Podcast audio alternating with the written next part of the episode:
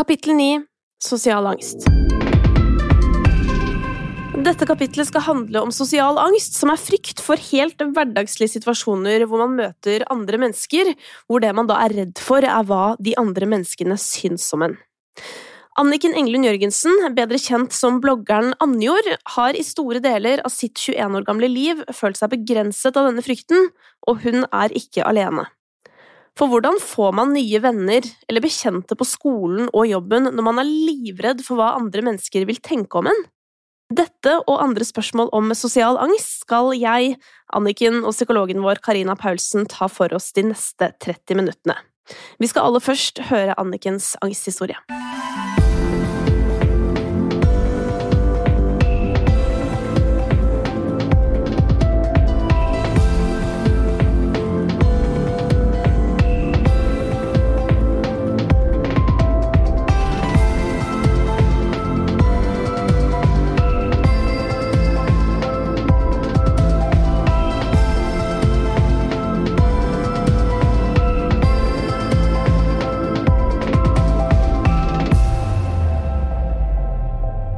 Dagens gjest er Anniken Englund Jørgensen, 21 år fra Drammen, eh, og jobber som blogger. Hjertelig velkommen til deg. Tusen takk. Du, fortell din angsthistorie.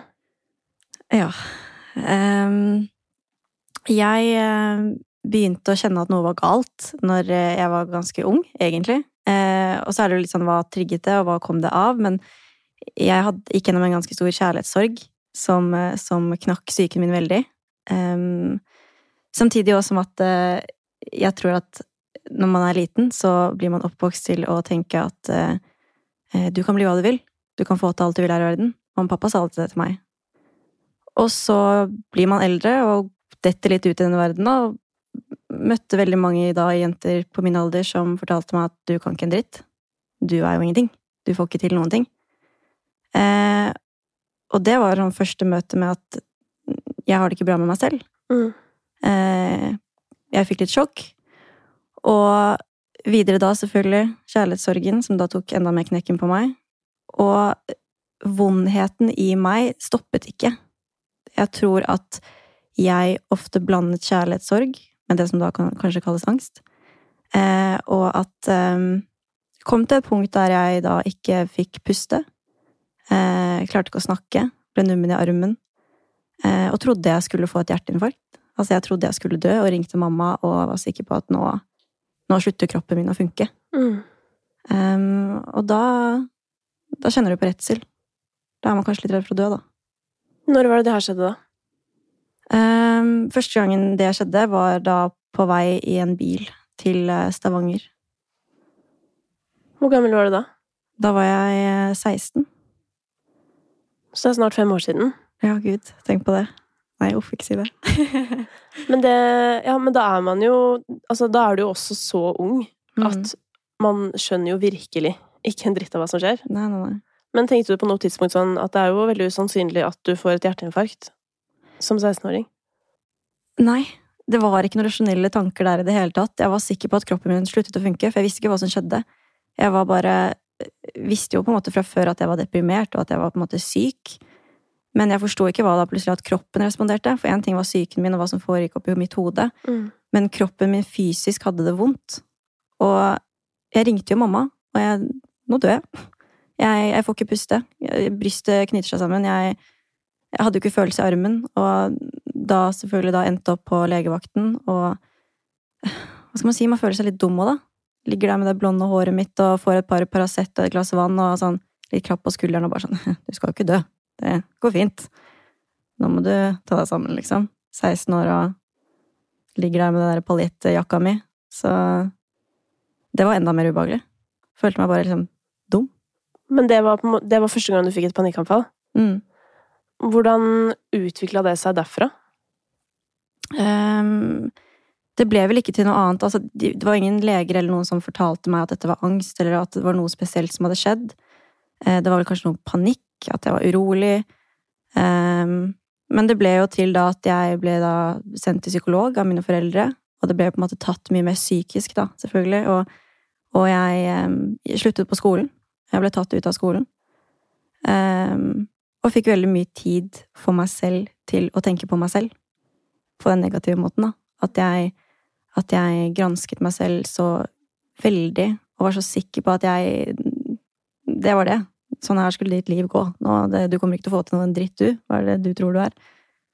Og den angsten bare begynte å spise meg opp. Uten at jeg selv forsto at det var angst, da. Ja, man føler jo at det er ferdig, Ja. for å si det sånn, når det der skjer. Men når var det du skjønte at det var angst, og på en måte fikk noe hjelp for det? Jeg tror på en måte ja, Psykologen min var vel kanskje inne på det, men alt var så fokusert på depresjon og kjærlighetssorg. Det var jo det som på en måte var galt med meg. At jeg ikke klarte å gi slipp på, på den sorgen, da. Og at jeg, at jeg trodde at kroppen min kom til å kollapse, og at jeg kanskje en dag la meg i sengen og ikke kom til å våkne en dag. For jeg hadde en så stor sorg. Jeg var så ødelagt. Og det ene mennesket jeg hadde stolt på etter alt som skjedde i min barndom, han gikk fra meg, da. Så jeg, jeg Jeg har nok ikke forstått at det var angst før i mye nyere tid. Kanskje sånn for et år siden, da. Mm. Ja, når jeg var 20. Da kanskje begynte jeg å forstå at eh, Ikke bare at det var angst, men sosial angst. Og hva har det gjort med deg etter du kom til den innseelsen? Det var jo kjipt. Jeg begynte jo liksom å begynne å rippe opp i ting og, og forstå at ja, for eksempel at en depresjon kanskje ikke var bare, bare depresjon. Eh, og jeg begynte jo å legge to og to sammen og forsto hvorfor jeg var så redd for mennesker generelt. Jeg kunne jo heller si at jeg hater mennesker, for, å høre, for å få det det til å høre litt kulere ut. Mm. Men det var jo ikke det.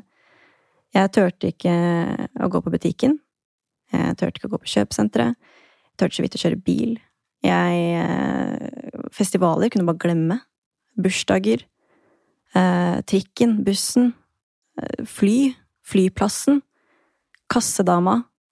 Alle mulige steder der jeg måtte snakke med et menneske. Jeg kan jo sett, altså, sånn, tenke tilbake igjen at for eksempel til mitt første forhold. At eh, jeg hadde ikke et normalt forhold til en gutt. Turte ikke å dra på kino, turte ikke å dra ut og spise. Klarte jo ingenting. Jeg var jo, jeg kunne bare redd bare på at trusekanten min syntes utenfor buksa. Altså, det var bare sånn Det var så mye. Det var usikkerhet, og det var, det var angsten for mennesker, og jeg klarte bare ikke Jeg har ikke hatt en vanlig ungdom, ungdomsperiode i livet mitt, da. Altså russetid og fester og liksom gutter og Jeg har liksom bare vært inni mitt lille skall og vært så sinnssykt redd for alt. Og det har det ødelagt. Skikkelig. Og spesielt det at ingen fortalte meg at dette var angst. Det var ingen, ingen store forbilder på den tiden som kunne stå ut og bare 'Jeg har angst, og dette her er angst'. Jeg visste ikke hva det var engang. Så jeg følte meg superunormal, da. Mm. Hva tenker du når du hører eh, Anniken fortelle? Jeg eh, blir trist. Jeg kjenner på en sorg, ikke sant. Tap av eh, ungdomstid, tap av eh, opplevelser, erfaringer eh, som angsten har hindret deg i. Mm. Og jeg tenker jo at sånn derre å oppleve det når man er så ung, da, hvor, man, hvor alle på en måte kanskje spiller på et håndballag eller fotballag, og veldig mye av tilværelsen er liksom bygga rundt det å være sammen, da, enten i et klasserom eller på en fest eller et eller annet sånt, og da kjenne på sånn at 'jeg kan ikke være her', det bidrar jo til at man kanskje føler seg ekstra uten, unormal og utafor, på en måte. Ja, ja. Og du føler deg jo sett. Du føler deg beglodd, selv om kanskje én person gjør det. Mm. Men så må man jo på en måte stirre på et menneske for at mennesket skal stirre på deg, da. Du møter jo blikket til noen. Så du stirrer jo like mye selv. Men man bare føler seg så liten, og spesielt å lærere da, på skoler. Forståelsen for at jeg hadde det sånn, det var, den var jo ikke tilstedeværende. Hva var det jeg var så ulykkelig over? Altså, det var jo Jeg har jo fått høre den Jeg føler jo ofte på det, at, jeg ble ikke trodd, og mye fordi at det lange, blonde håret og de brune øynene og Faen er det jeg sier at jeg blir mobba på skolen for? Det var jo så ut som det var jeg som mobbet andre. Så det var så lite forståelse for hele planet, da, og voksne mennesker, og selvfølgelig og foreldrene mine. Klarte ikke å forstå hva som skjedde. Det er jo noe av det mange med sosial angst sitter med. Opplevelsen av å ikke bli trodd, av å ikke bli tatt på alvor, av å ikke bli forstått. Eh, Fordi at det har ikke noe med det ytre å gjøre. Det syns ikke utenpå. Mm. Og jeg tenker også spesielt i en ungdomstid, da, hvor veldig mye handler om å høre til, være en del av en flokk. Eh, Det skjer ekstremt mye. Man er i en veldig, veldig sårbar fase i livet. Eh, Og hvor sosial angst nettopp eh, ofte utløses og kan trigges. De aller fleste utvikler det jo omtrent eller omkring 14 til 16 års alder. Mm. Karina, dette med sosial angst. Mm -hmm. Jeg lurer aller først på Alle kan jo kjenne på ubehagelige følelser i sosiale sammenhenger til tider. Mm. Hva er det som egentlig definerer sosial angst? Sosial angst handler om frykt for å bli negativt evaluert av andre mennesker, eh, og det innebærer at, eh, å ha en følelse av å bli eh, negativt vurdert, eh, kritisert med blikk, og en opplevelse av å bli beglodd, og være i fokus eh, i sosiale settinger. Det kan være alt fra eh, offentlige steder, som for eksempel buss, trikk, en flyplass, i klasserommet, på arbeidsplassen. Men det kan også være i situasjoner med mennesker man kjenner godt som venner, for eksempel, eller bare i butikken, på gaten. Det å gå Mm. på gaten i seg selv. Mm. Så det, det handler ikke så mye om situasjonen man er i, men opplevelsen av å bli iakttatt Mm. og vurdert negativt. Hvis man er introvert, da, at man ikke nærer på å være i sosiale settinger, så kan man jo oppleve det veldig ubehagelig å være blant folk uten at det nødvendigvis er sosial angst. Absolutt. Vi må skille mellom det å være introvert, det vil si eh, å nære på alenetid og tanke opp når man har tid alene, og trives i eget selskap og ha det godt. Eh, og det å ha sosial angst hvor det handler om frykten, den fobiske frykten for sosiale situasjoner og for å bli negativt eh, evaluert. Så det er to helt forskjellige fortegn. Mm.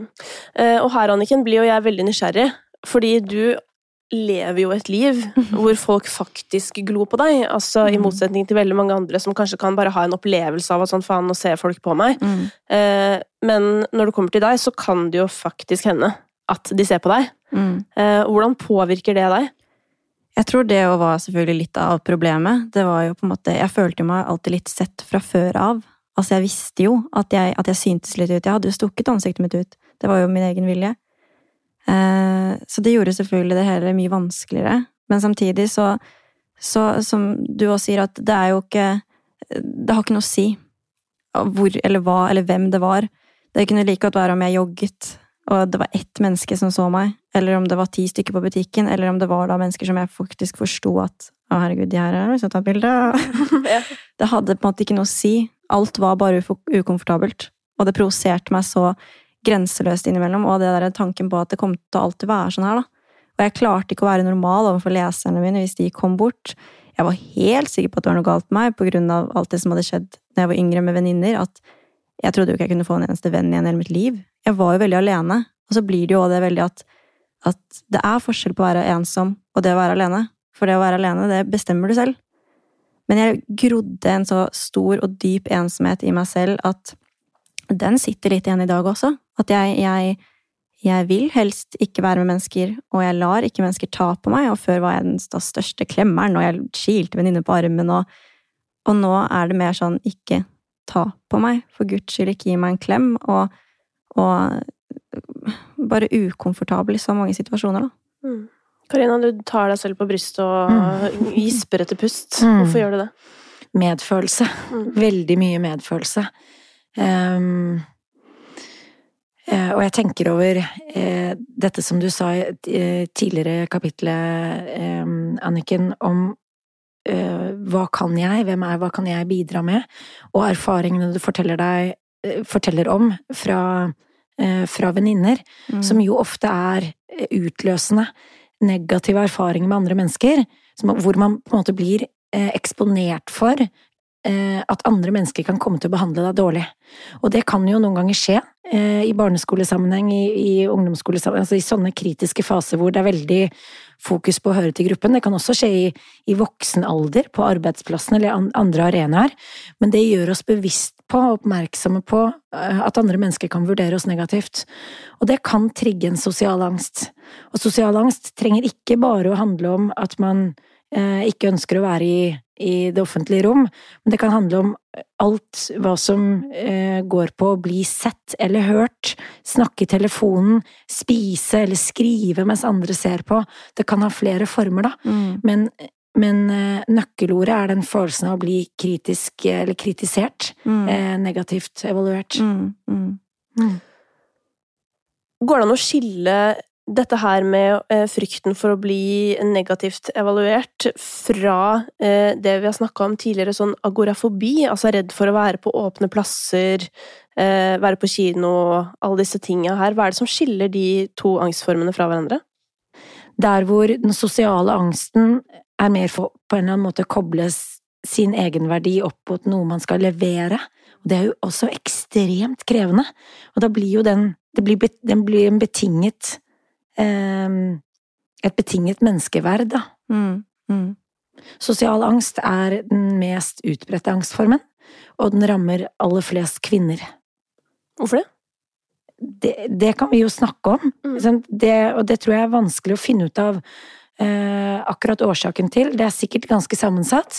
Det kan sikkert ha mye å gjøre med hvordan eh, for eksempel eh, jenter leker sammen og begår seg i et sosialt terreng sammenlignet med gutter, eh, allerede fra barnsben av, da. Og hvordan uh, vi kvinner på noen områder kanskje er litt annerledes enn menn. Mm. I at vi tillegger uh, hendelser kanskje en annen betydning, har en tendens til å analysere, mm. tenke mer, mens menn og gutter kanskje er kjent for å være mer Rett frem. Rett frem, ja. Mm. Mm. Uten at det er et, eh, et, et eh, faglig fundert svar, men man mm. kan reflektere litt rundt det, tenker jeg. Jeg tenker jo, Anniken, når du fortalte at du slutta på skolen mm. og fikk ekstremt mye tid for deg selv, mm. altså da har du jo det gående. Ja, ja. Ja, ja. Altså, jeg eh, fora jo min egen eh, angst. Definitivt. Og jeg eh, hva skal man si? Altså, jeg, jeg bare tvilte så innmari på meg selv, og den usikkerheten spiste meg opp. Og jeg, jeg kan vel fortsatt også si at jeg aldri sett på meg selv som noe pen, eller som noe, noe mer spesielt enn noen andre, eller, eller følt noe sånn kjærlighet over meg selv som menneske, da. Det bare slår meg liksom hvor ø, viktig ungdomstida, på en måte, eller barndommen, eh, virker å være i forhold til sosial angst, da. Mm. Altså sånn hvis noen som du sier, da, at hvis du har møtt kritiske altså mm. fått kritiske kommentarer fra de du på en måte trodde var vennene dine, og, mm. og du trodde at digga deg, på en måte, mm. og på en måte hva det gjør med et menneske, da. Eh, og det kjenner jeg jo på nå, at sånn shit, mm. slutt å være slemme mot hverandre, liksom. Men jeg tror da det at altså Ja, hva var følelser når man var 17 år? Men følelser var mye større før. Mm. Og det derre det Altså, forstå at eh, de 20 jentene som kanskje ikke likte deg da, eh, ikke var hele verden. Og det tror jeg er det største av å bli eldre. Bare det der, og Man klarer ikke å forstå hvor, hvor stor verden er, da. Midt oppi russetid og venninnesnakk og gud, alt som skjer, ikke sant. Det er jo Se og Hør. Mm. Så bare Man forstår det ikke. Men desto viktigere å, å ta hensyn til hverandre, da, tenker jeg. Mm. Man har jo heller ikke noen forutsetning for å forstå verden og størrelsen av verden i, i, en sånn fase i livet. Og da er jo nettopp vennegjengen eller klassen eller eh, gaten man bor i, det er jo alt. Det er jo mm. hele tilværelsen. Mm. Og sånn er det jo for barn, ikke sant? Så det er vårt ansvar som voksne å, å tenker jeg, å, trygge og, å lære eh, å passe på barna og ungdommen, at de behandler hverandre ordentlig. Fordi at nettopp opplevelsen og erfaringene med å Eh, med at andre mennesker behandler en dårlig, kan trigge en sosial angst. Mm. Når man har sosial angst, mm. så blir man jo ekstra var på signalene i kroppen. Mm. Rødming, skjelving, svetting. Uh, noe som ofte fører til at man da rødmer, skjelver og svetter enda mer. Ja, gud hjelp. Hvordan kan man unngå å starte på denne onde sirkelen? Først så tenker jeg at man skal vite noe om eh, hvorfor den sirkelen starter, og hva det er som egentlig skjer. Hjernen vår klarer ikke å skille mellom hva som er tenkt eller forestilt, visualisert, og det som faktisk skjer. Så når vi forestiller oss for eksempel at jeg vil dumme meg ut, eller andre tenker eh, negativt om meg, eller nå vil de se at jeg skjelver eller rødmer, bare tank, de tankene vil trigge en beredskap i kroppen som kan gjøre at man begynner å svette. Hvis man forstår at vi mennesker er vesentlig mer kritiske til oss selv enn det andre mennesker er, eh, man kan vite noe om at tanker ikke er fakta, og at det du tenker om deg selv, ikke er det samme som det andre mennesker tenker om deg. Mm. Og det tenker jeg er helt vesentlig ved sosial angst, fordi eh, vår egen forestilling om oss selv eh, kommer til å farge måten vi tror at andre tenker om oss. Mm. Men det er så rart det der òg, at liksom man, man, skjønner ikke, og man blir så opphengt i seg selv. da. For eksempel at jeg fant ut at jeg hadde to forskjellige ører ikke sant, og måtte gå med pannebånd i tre år, for jeg turte ikke å ta det av. Og jeg var sånn, Sånne rare ting, for jeg selvanalyserte meg selv så mye. Dette er litt underlig med, med, sosial angst, fordi det kan jo være på en måte ting som for andre høres ut som veldig små problemer, og jeg viser nå i gåsetegn mm. om du har to forskjellige ører, for eksempel. Og det er jo utrolig vanskelig å forklare hvilken enorm plage det kan være for deg, da, til en person som ikke har opplevd det, som kanskje bare vil si sånn Å, herregud, skjerp deg. Ja. Nei, det var helt grusomt. Jeg kunne ikke gå på svømming på skolen. Turte ikke å ta av meg pannebåndet. Helt grusomt når lærerne tvingte, meg, tvingte det av meg. Fant ut at jeg hadde to forskjellige pupper, for jeg analyserte meg selv så grundig. Så jeg kjøpte den samme toppen i alle farger hvis jeg fant en som lå fint. da. Var ingen som fortalte meg at det var normalt. Selvfølgelig har du to forskjellige pupper, du er i puberteten. Men det, det, her eksisterte jo ikke for meg. Å kunne ta på maskara på begge øynene, men så ble det ikke likt på begge øynene. Så ble det en greie for meg. At, at jeg tok av og på maskara på skolen og nesten gråt og gikk rundt og spurte folk om det var likt på begge øynene mine. Fordi så selvanalyserende ble jeg. At jeg prøvde hardt å finne feil på meg selv, og det prega så mye av barndommen min. Mm. Men Karina, til folk som da eh, blir interessert å bare si ta så skjerp deg litt, da. Kan du si noen faglige ord, liksom, om det Anniken forteller? Vi alle mennesker har et ansvar med å være nysgjerrig på hverandre. Mm. Eh, og det er noe som jeg syns er så fint, som, som heter at eh, på seg selv kjenner man ingen andre. Og det å være nysgjerrig, da. Hvordan er det for deg, hvordan oppleves det for deg, hvordan kan jeg støtte deg best mulig? Og man kan da, eh, som en utenforstående, også være en veldig fin kilde til faktisk å gå inn og jobbe med den sosiale angsten, fordi den med sosial angst kan stille spørsmål. Nå tenker jeg at du ser at jeg har to forskjellige ører, stemmer det? Eller hva tenker du over når vi snakker sammen, og hva tenker du over, hva legger du merke til da? Ser du da for eksempel at jeg har, at jeg har ulik maskara på de to mm. eh, på øynene, eller er det noe annet du legger merke til, så man kan få justert hva er det andre mennesker ser, kontra hva den selv tenker. Mm. Utfordringa med det her er jo at det for mange er veldig skamfullt at man kjenner på de tingene man kjenner på, det være seg om man har to ulike ører, eller det her med sånn 'Å, herregud, jeg skjelver på foreldremøte', fordi man skammer seg over at man overhodet tenker tanken, ikke sant. Så det er jo det der å finne kanskje en person da, som man kanskje er trygg på, som man faktisk tør å spørre sånn er ørene mine like? Eller sånn. Pleier du å tenke på det? og skam skaper avstand mellom oss mennesker.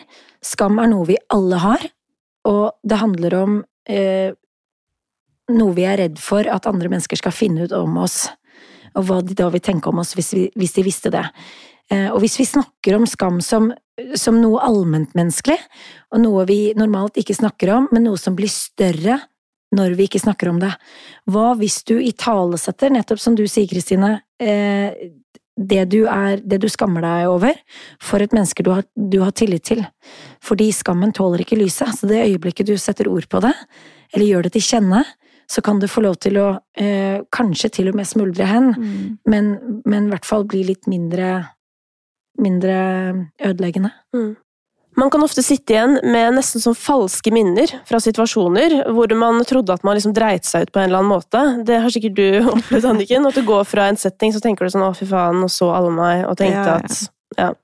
Ikke sant? Eh, men sannheten er kanskje at det var ingen som så at du var der engang. Mm. Hvordan kan man bearbeide eller på en måte kvitte seg med den type minner som setter seg fast, som ikke engang er sanne? Jeg tenker at man ikke kan kvitte seg med de minnene som allerede er etablert, men man kan etablere nye.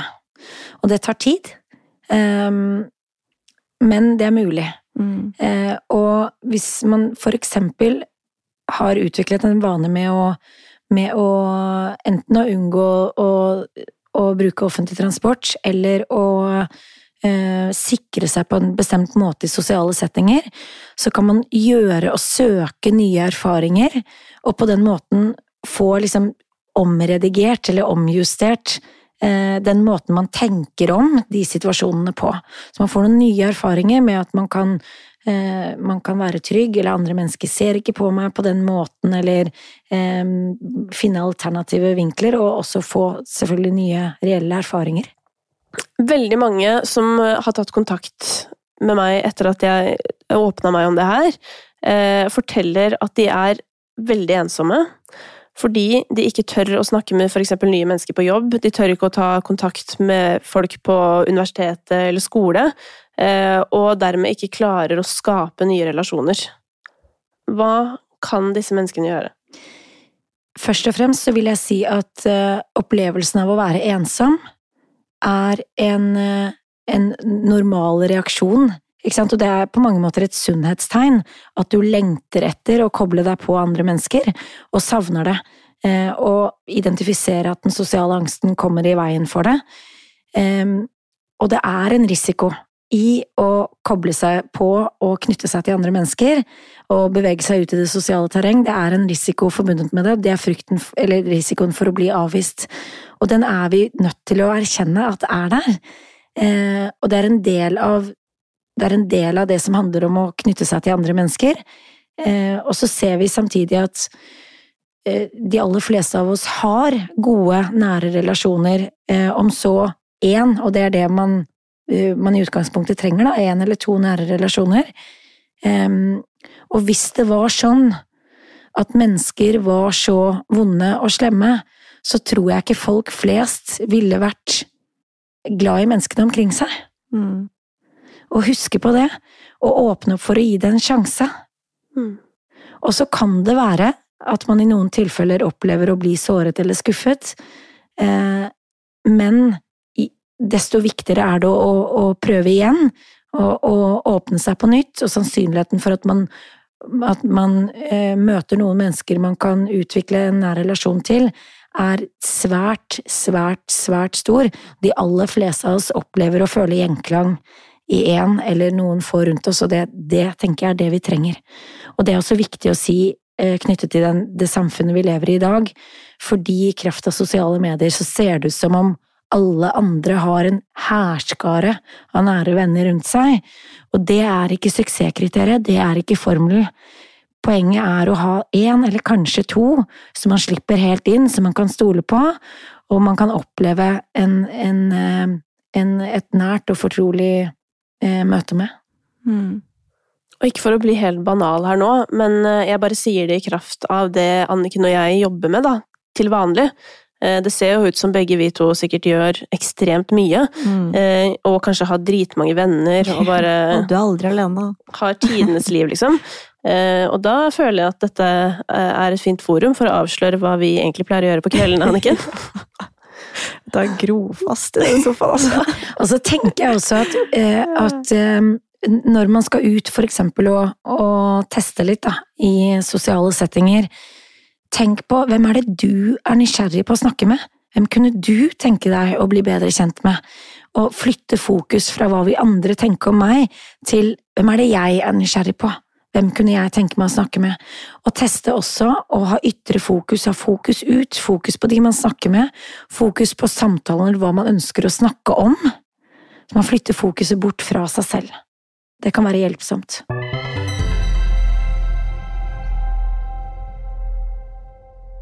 Anniken, noen syns kanskje det er litt rart at du velger å være en offentlig person, eh, og samtidig ha sosial angst. Mm. Hva tenker du om det? det høres veldig rart ut. uh, nei, altså jeg startet jo å blogge fordi jeg så på det som en dagbok. Og det var liksom det som var hele mitt clou. Det var aldri meningen at, skulle, at det skulle bli noe. Uh, den sosiale angsten den ble på en måte bare med på kjøpet.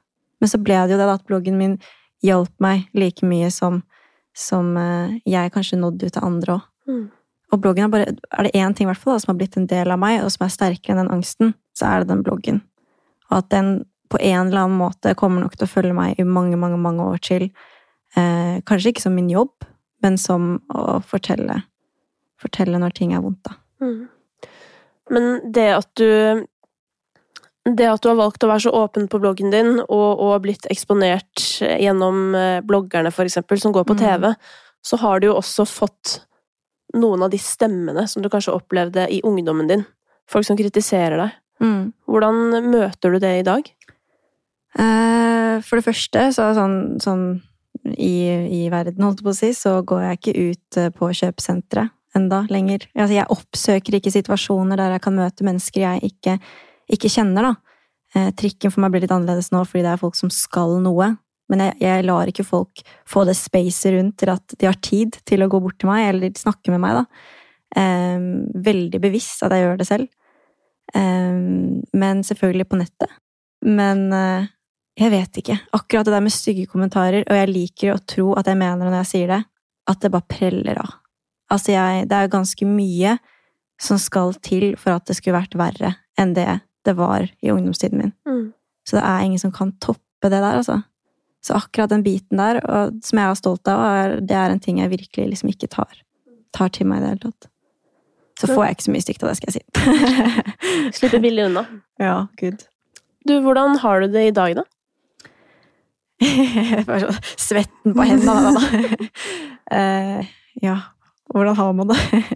jeg har det veldig fint, og jeg har eh, lært meg å, å leve med angsten min. Uh, det tok meg veldig lang tid å på en måte innse at sånn her er det, og det kan ta lang tid før det forsvinner. Kanskje gjør det aldri det heller. Så jeg har lært meg å leve med den. Jeg tar trikken. Jeg går på bussen. Jeg handler på butikken alene. Uh, jeg, tok, jeg satt til og med på en kafé her om dagen alene med PC-en min og skulle jobbe litt. Og idet jeg bestilte en kaffe, så skjalv jeg så på hendene at jeg visste at han så det. Um, men det gikk fint. Jeg pustet og tenkte ok, når han går nå, så ok, tenker han over det? Ja, samme det. Og så kanskje hadde jeg litt lavt blodsukker. Altså, gudene vet hva, ikke sant? Um, det her er jo akkurat det Karina prøver å si. Ja. Meningen du tillegger situasjonen. At hvis du Mm. klarer å tenke at skjelvingen din er lavt blodsukker, mm, og Ja, ikke noe annet, ikke sant? da har du jo på en måte begynt å redde deg litt i Mm. situasjonen. ja, ja, det kommer jo ikke til å prege hans dag at jeg skjelver. Det er ikke noe mer han tenker over enn de par sekundene der, og så han er jo på jobb. Han skal jo gjøre noe annet. Så liksom det å, det å ikke se på kanskje den fineste, peneste jenta på stranda, men heller kanskje se på alle de man, man på en måte kanskje ikke ville vært, da. Altså gud, men man må liksom rappe hodet sitt litt rundt. Eh, og det har jeg blitt flink til, og jo, jeg kan fortsatt få et angstanfall, men det er mer at jeg nesten føler at det er noe som kommer til å henge igjen resten av livet mitt på mye av som skjedde i barndommen. At jeg kan innimellom få litt vondt i brystet, og det kan gjøre veldig vondt, og jeg kan begynne å gråte, og jeg kan være veldig lei meg, og, og selvfølgelig, jeg skjelver jo enda. Det kommer jeg også til å gjøre lenge. Eh, sånne ting. Men det er på en måte også at, at alle sårene mine har blitt til arr, da.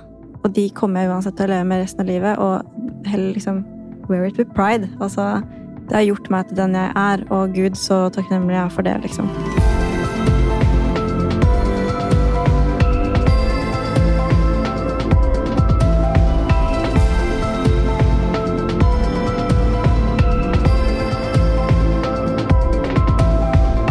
Har du et problem du trenger rask hjelp med, kontakt 116 117. Da kommer du til nærmeste legevakt. For mer informasjon om denne podkasten, gå til noiapodkast.no. Og til slutt må jeg få takke Rådet for psykisk helse og Ekstrastiftelsen for støtten til å lage dette for deg.